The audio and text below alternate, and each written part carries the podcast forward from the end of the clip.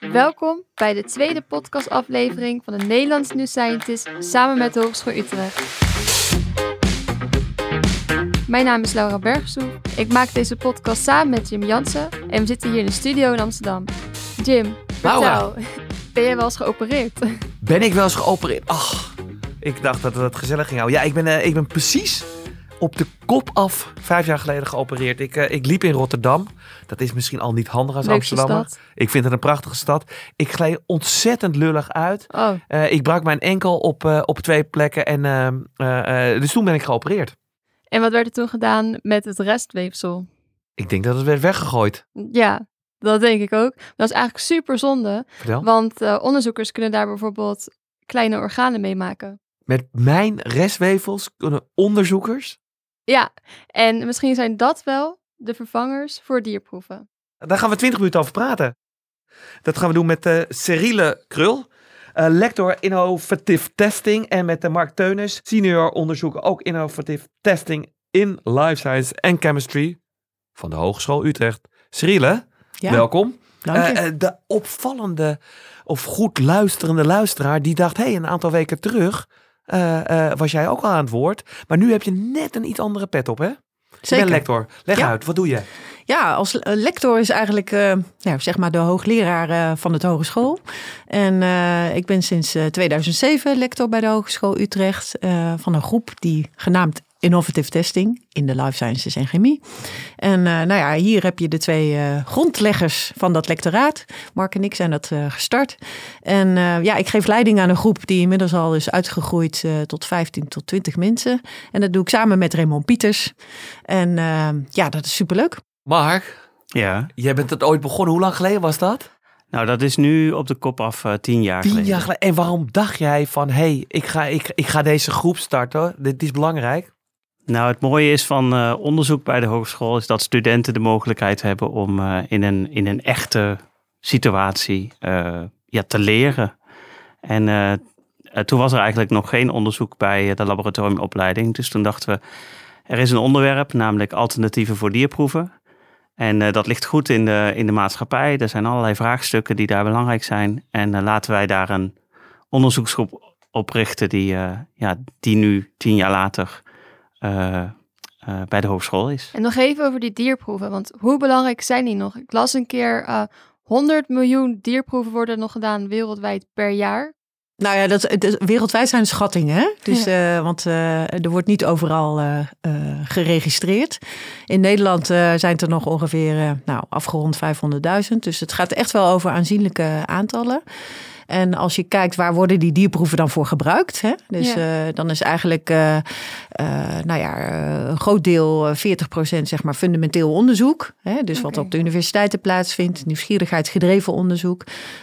Een deel daarvan is eigenlijk voor het onderzoek naar ziekte, ontwikkelen van nieuwe geneesmiddelen. En een deel daarvan is voor ehm, eh, registratiedoeleinden. Hè? Dus om de veiligheid van bijvoorbeeld chemicaliën te bepalen. Dus dat zijn wettelijk eh, geregelde ehm, dierproeven. Ook vaccins hè? Die, die vrijgegeven moeten worden, worden allemaal op dierproeven getest. Dus het is deels eh, wetenschappelijk onderzoek, deels omdat het eh, moet. Ja, hey Mark, ik wil eens even teruggaan naar een tijdje geleden. Ik weet niet precies hoeveel jaar. Maar was er ooit een moment dat je dacht, hey, ik wil, ik ben wetenschapper en ik wil eigenlijk een soort alternatief bedenken voor die dieren. Ik denk dan toch aan muizen, aan ratten. Dat, dat zijn beelden die ik heel snel... wa- wanneer, wanneer zag jij het licht dat je dacht, ik wil iets anders? Ja, ik, eh, ik ben gepromoveerd bij het UMCU in, eh, ja, in Utrecht. En ehm, heb daarvoor ook zelf dierproeven gedaan tijdens mijn promotie. Zoals veel biologen, denk ik, tijdens hun promotie. die werken aan een fundamenteel vraagstuk. soms met dierproeven in aanraking komen. Ehm, ik was me op dat moment ook nog niet eens zo heel erg bewust van het vakgebied alternatief voor dierproeven. Eh, in Nederland werkt het zo dat als je een dierproef wil doen, dan, dan is er een commissie eh, van wetenschappers en waar ook ethici eh, in zitten die dat beoordelen. Dus je kan niet zomaar een dierproef doen. Daar moet je dan toestemming voor krijgen van zo'n commissie en dan vraag je dan aan. En dat gaat heel zorgvuldig. Eh, maar toch, als je dan veel dierproeven hebt gedaan, dan, eh, dan, dan kan het zo zijn dat je op een gegeven moment denkt, ja, het moet toch anders kunnen. En eigenlijk kwam ik bij de hogeschool pas in aanraking met dat onderwerp voor dierproeven, uh, dierproefalternatieven. Um, ja, en, en toen was het eigenlijk logisch om daar onderzoek naar te doen voor, voor mij. Ja. En waarom? Waarom, je zei, het moet ook anders kunnen. Waarom is dat? ja. Nou, er zijn een aantal belangrijke redenen. Eén uh, is dat de maatschappij erom vraagt. Ja. Uh, er zijn al heel lang dierenbelangenorganisaties die pleiten voor uh, vermindering van, van dierproeven. Dus dat is vooral om het dierenwelzijn? Uh, om het dierenwelzijn, maar er is ook nog een hele belangrijke andere reden. En dat is zeker in de context van zeg maar, uh, giftigheid van stoffen een belangrijke afweging. We weten ook dat het dierproefmodel niet altijd goed voorspellend is voor de mens. En we zijn dus niet alleen op zoek naar vermindering van die dierproeven, maar ook gewoon naar betere wetenschappelijke modellen om die voorspelling voor de mens te kunnen doen. Ja, Cyril, ik kop hem even door naar jou. Want jij bent ook ooit gepromoveerd. Voor mij uh, uh, in de jaren negentig ben jij gepromoveerd. Je hebt gestudeerd in Maastricht. Uh, je promoveerde vervolgens bij diergeneeskunde in ja. Utrecht. Je ziet, ik ken jouw cv helemaal uit mijn hoofd. en toen was er een moment, Cyril, dat je eigenlijk dierproeven moest doen. Nou, ik had mijn hele promotieonderzoek was eigenlijk uh, niet, uh, deed ik geen dierproeven. Ik was juist aan het laten zien dat een, een model wat ons maag-darmkanaal nabootste ook eigenlijk net zo goed was. Gewoon in de computer. Nee, het was een, uh, een wat we noemen een in vitro model. Een model wat bestaat uit uh, buizen, slangetjes, uh, hè, dingen die je op het laboratorium kan gebruiken. Waar enzymen bij komen, waar cellen in zitten. En nou, dat, dat ging heel goed. En op het eind van, dat, van zo'n vierjarige promotieonderzoek zei mijn begeleidingscommissie... ja, misschien toch goed dat we dat nog in een dierproef even bevestigen oh. of, of, bewijzen. Nou ja, je raadt het al, was natuurlijk het bleek heel ingewikkeld te zijn om die muizen, zeg maar, want het, ik deed onderzoek naar uh, of voedingsmiddelen in je maag-darmkanaal konden leiden tot schadelijke stoffen. Nou ja, en dat maag-darmkanaal van ons mensen is gewoon echt anders ja. dan die van muizen. Wij zijn geen muizen. Sommige mensen zijn wel ratten, maar geen muizen. Nee, we zijn uh, geen muizen. En zeker niet als het gaat over de uh, vertering en over de bacteriën die in onze uh, darmen zitten. Dus uh, ja, nou ja, ik ging het toch doen. En uh, er kwam er al op neer dat het in de praktijk al heel ingewikkeld was. Uh, omdat die muizen natuurlijk ook niet eten en drinken wat wij eten en drinken. Dus uh, nou, kortom, uh, uh, ik dacht van, hé, uh, hey, dit is toch een beetje gek. Want ik was mijn onderzoek begonnen om juist te laten zien... het kan anders, er zijn andere modellen... die inderdaad beter voorspellend zijn voor de mens. En dan ga ik aan het eind toch weer terug naar die muis. En dat, dat was ook een moment dat ik dacht van... nee, we, we, we moeten niet die validatie, die vergelijking muis-mens doen. Nee, we moeten dit in vitro systeem vergelijken met de mens. En dus moeten we misschien wel naar die humane cellen en de humane weefsel waar jij het net over had. Dat is misschien wel een veel betere weg dan uh, die muis.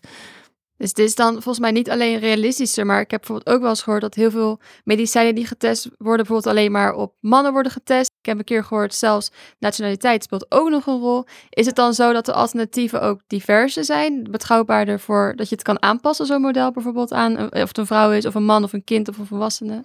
Nou ja, dat, is, dat, is, dat zijn precies de vraagstukken waar we nu middenin zitten, hè, eigenlijk. Van uh, als je nou verschillende uh, donorweefsel krijgt van verschillende mensen, ga je dan ook die verschillen tussen die mensen uh, allemaal oppikken?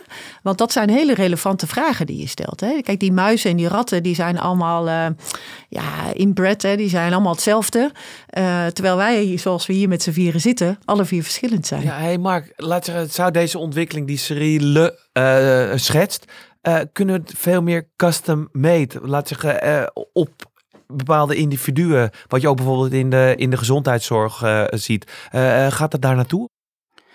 Ja, dat denk ik wel. Alleen ik uh, verwacht dat een andere ontwikkeling daar uh, eigenlijk meer aan bijdraagt. Uh, dus in vitro systemen, daarin kunnen we de fundamentele mechanismen die bijvoorbeeld waarbij een stof een bepaald effect veroorzaakt nabootsen. Zodat we een idee hebben van wat is het gevaar van zo'n stof. we kunnen ook nog een idee krijgen over bij welke dosis doet die stof dan dat, heeft die, die stof dat effect. Uh, maar maar uh, daarnaast hebben we steeds sterkere en geavanceerdere computermodellen. Uh, en met die computermodellen denk ik dat we veel beter nog die simulatie kunnen doen van bijvoorbeeld man-vrouw. Hmm. of eh, een, een leeftijdsverschil in reactie. Eh, een van de dingen die we weten is dat bijvoorbeeld ons immuunsysteem, naarmate we ouder worden, verandert dat. Eh, en de effecten die stoffen hebben op dat immuunsysteem, die veranderen dus ook naarmate je ouder wordt. Hetzelfde geldt voor metabolisme. Eh, en, en dat kunnen we in een zogenaamd kinetisch model in de computer nabootsen om te kijken of we dat gepersonaliseerd kunnen maken. Hoe pak je dat aan? Want er is zoveel data tegenwoordig. Waar begin je? Ja, dat is een, dat is een ingewikkeld vraagstuk. Ehm, Daar zijn we voor, Mark. Ja, we Ja. gaan jou heel veel ingewikkelde vragen stellen. Nee, maar het is, het is ook weer niet zo ingewikkeld dat we er niks over kunnen zeggen. Eh, AI heeft zijn intrede gedaan in, in alle wetenschappelijke gebieden die er zijn. Ja. Niet alleen in de wetenschap, maar ook in, eh, de bedrijf, in, in economisch opzicht is het een belangrijke ontwikkeling. Eh, Denk aan de zelfrijdende auto. Eh, de data die we verzamelen in deze context, hè, dus waar we het nu over hebben, gevaar van stoffen, gaat over chemische data, over de fysiologie, de werking van, van het biologisch systeem en over dosis. Dus eh, naarmate de dosis van een stof toeneemt, eh, is het risico op een, op een effect steeds groter. En als je die drie typen data in een computermodel stopt en de computer leert daarin patronen te herkennen, dan kan die computer een voorspelling doen. Nou, stop je daar dan ook nog die karakteristieken van die mensen in, Mhm. hè, dus leeftijd, geslacht, metabolisme, snelheid, dat soort dingen, dan zou je het nog gepersonaliseerd kunnen maken. Ik zie jou knikken, Cyril. Het is radio, het is podcast, maar eh, er zijn hier geen camera's. Vul eens aan. Nou, eh, eh, wat Mark schetst is helemaal waar. Hè? Dus we kunnen steeds meer gebruik maken van eh, data die er zijn en dat modelleren. En ik denk dat als je, dat, eh, als je een combinatie kan maken van bestaande data bij elkaar brengen. Eh, dat aanvullen met die geavanceerde in vitro modellen waar we het net eventjes over hadden. Hè, dus organoïden, organs on a chip. Dan kun je zeg maar die data eh, verder aanvullen. En zeker als je het hebt over nieuwe stof, waar nog geen gegevens over zijn. En op die manier kun je die modellering, die voorspelling eigenlijk steeds beter maken. En dat is eigenlijk wat we pro- proberen. Hè, dus we zijn nu recent met een groot project begonnen in Nederland. Dat heet het Virtual Human Platform. Ja. En daarmee proberen we eigenlijk dit te doen wat we hier schetsen. Dus al die data bij elkaar brengen, eh, in vitro data aan toevoegen en dan eh, die voorspelling te maken. En dan ga je eigenlijk toe naar een manier waarbij je die dierproef op een gegeven moment overbodig maakt. Dus je gaat niet meer zeggen, die dierproef is niet goed. Nee, je zegt eigenlijk, ik heb nu voldoende informatie verzameld om een goede afweging te kunnen maken. En daarmee heb ik die dierproef niet meer Ja. nodig. Want Mark, eh, eh, er zijn 500.000 dierproeven per jaar, alleen al in Nederland. Maar wel- wellicht kunstmatige intelligentie, supersnelle computers, et cetera, handige algoritmes. Gaan we dan naar een situatie toe dat het helemaal niet meer nodig is, die dierproeven? Nou, is dat, dat eh, dat, denk ik persoonlijk niet. Ik, ik heb geen glazen bol, dus ik, kan, Mhm. eh, ik, ik, weet niet precies hoe dat over, laten we zeggen, 300, 400 jaar eruit ziet. Maar in, op de kortere termijn denk ik dat wij dierproeven nodig hebben voor fundamenteel begrip van de biologie. Het lijkt soms alsof we heel erg veel weten. eh, weten hoe dingen in elkaar zitten in de biologie. Dat valt in de praktijk soms mee. Eh, biologie is complex, gedraagt zich altijd anders dan we eigenlijk als wetenschapper zouden willen. We zien dat elke dag, hè? En daar hebben we fundamenteel onderzoek voor nodig. En dat doen we in de biologie eh, op heel veel verschillende manieren, maar ook soms met proefdieren. Eh, in, in, de, in deze context van, van zeg maar veiligheid van stoffen, denk ik dat we een heel eind kunnen komen. Eh, wat we niet moeten vergeten, is dat een dierproef ook een waarschijnlijkheid aangeeft voor hoe veilig een stof is. Dat is bij een AI-model, een computermodel, niet anders. We zullen dus als maatschappij ons ook moeten beraden op die ja, onzekerheid die er altijd blijft. Niks is 100% veilig. Eh, en of Ja. we dat nou met een dierproef testen of met een AI-model, die mate van onzekerheid, die, daar, daar blijven we mee, eh, mee kampen. En, en een computermodel is zo goed als de data die erin gaat. En serieus, nog even over die kleine organen. Ik ben er zo door gefascineerd. Van restweefsel van operaties naar een klein orgaantje en dan naar data. Hoe werkt dat? Ja, dat is een goede vraag. Ehm, je, kan, je kan eigenlijk twee dingen doen. Hè? Dus je kan dat restweefsel eh, zeg maar direct gebruiken. Van de enkel van Jin. Uh, ja, ik neem aan dat er dan een stukje huid is uh, wat bijvoorbeeld Auw. over is gebleven. Of uh, um, als je misschien wel eens een keer een darmoperatie hebt ondergaan. Gelukkig hebben we heel veel darm. Dus dan, daar, daar, daar kun je een stukje van missen. Dat kun je dus zeg maar als, als stukje weefsel, intact weefsel, zijn we inmiddels in staat om dat zeg maar in een laboratorium nog heel lang in leven te houden. Hè? Dus dat blijft vitaal. En dan kun je bijvoorbeeld kijken naar de opname van stoffen. Wat doet het met de interactie met je immuunsysteem? systeem, Maar je kan ook uit zo'n stukje weefsel cellen halen. Hè? En, en die cellen die kun je weer eigenlijk uh, opnieuw programmeren. Want dat zijn bijvoorbeeld huidcellen of darmcellen. Of, uh, en uh, die kun je dan weer in, in, in zo'n kweekbakje weer um, opnieuw laten differentiëren, laten ontwikkelen tot een, tot een ander type cel. Nou, en die cellen kun je allemaal bij elkaar brengen, verschillende type mm -hmm. cellen. Dan heb je nog wat matrix voor nodig, zodat ze ook in een 3D-structuur kunnen groeien. En dan heb je een soort mini-orgaantje. Dat noemen we een mini-darmpje. Ja, ja een organoïde, ja. organoid in het uh, Engels. En uh, nou ja, die organoïden, die, die is anders dan in het verleden waar je cellen gewoon plat op een petrischaaltje, zo'n ja. rond schaaltje op de bodem kweekte. Uh, worden ze nu zeg maar in een 3D-structuur uh, gekweekt, waardoor je ook een binnen- en een buitenkant hebt en met verschillende celtypes. En dat bootst dus ook weer meer de werkelijkheid naar dan uh, voorheen. Nou, en die data die je daarmee verzamelt, die zijn dan weer input voor zo'n computermodel ja. waar Mark het over hey Mark, dit is een redelijke revolutionaire ontwikkeling, wil ik bijna wel zeggen. Die, dat Petri-schaaltje, ik, ik, ik heb daar een beeld bij. Maar het is bijna, of is het echt of is het bijna echt? Um, ja, echt in de zin van uh, dat, het, dat het echt uh, valide voorspellingen ja. kan geven. Um, we zijn nog heel ver weg van uh, autonome, echt uh, nee, AI, snap zeg maar. Maar, maar dus, je kan er, jullie zijn onderzoekers, je kan hier gewoon echt, echt gewoon dingen mee ontdekken. Ja, ja absoluut. Het is een nieuwe methode uh, voor wetenschappers waar, waar ze vragen die ze hebben mee kunnen beantwoorden. Net zoals dat we de ja, andere methodes tot onze beschikking hebben om om onderzoek mee te doen. Ja. Heel veel onderzoekers, Mark, kijk nog even naar jou. Ook heel veel studenten, hè? want dat is hartstikke mooi. Ik weet niet of Utrecht daar uniek in is.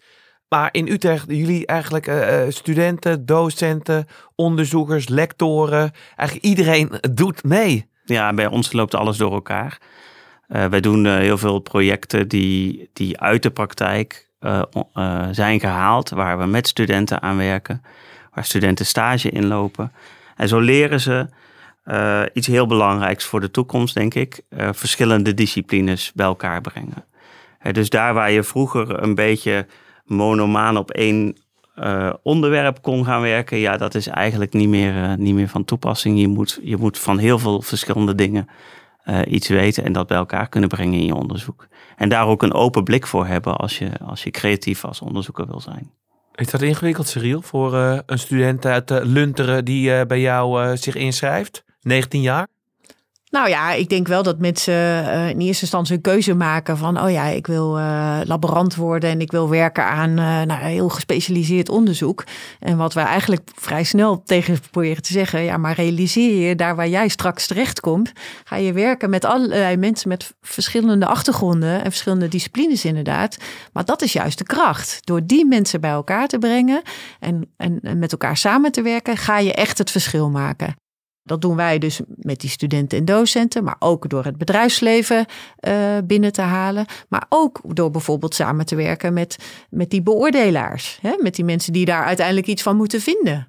Hè? Want die moeten ook leren. Leren om naar andere type data te kijken dan voorheen. Waar je dierexperimentendata kreeg. En dan konden ze bij wijze van spreken met één blik zeggen van... Uh, oh ja, nou dat is het. Heb je nu hele andere type uh, gegevens waar je iets van moet vinden. Dus het is echt, uh, um, ja, ik denk dat je misschien niet zo moeilijk voor studenten, maar ik denk dat ze zich vaak niet realiseren dat het zo in elkaar zit. Nou, ik vind het bijna een mooi slot. Ik weet niet, had ja. je dit geschript, Mark?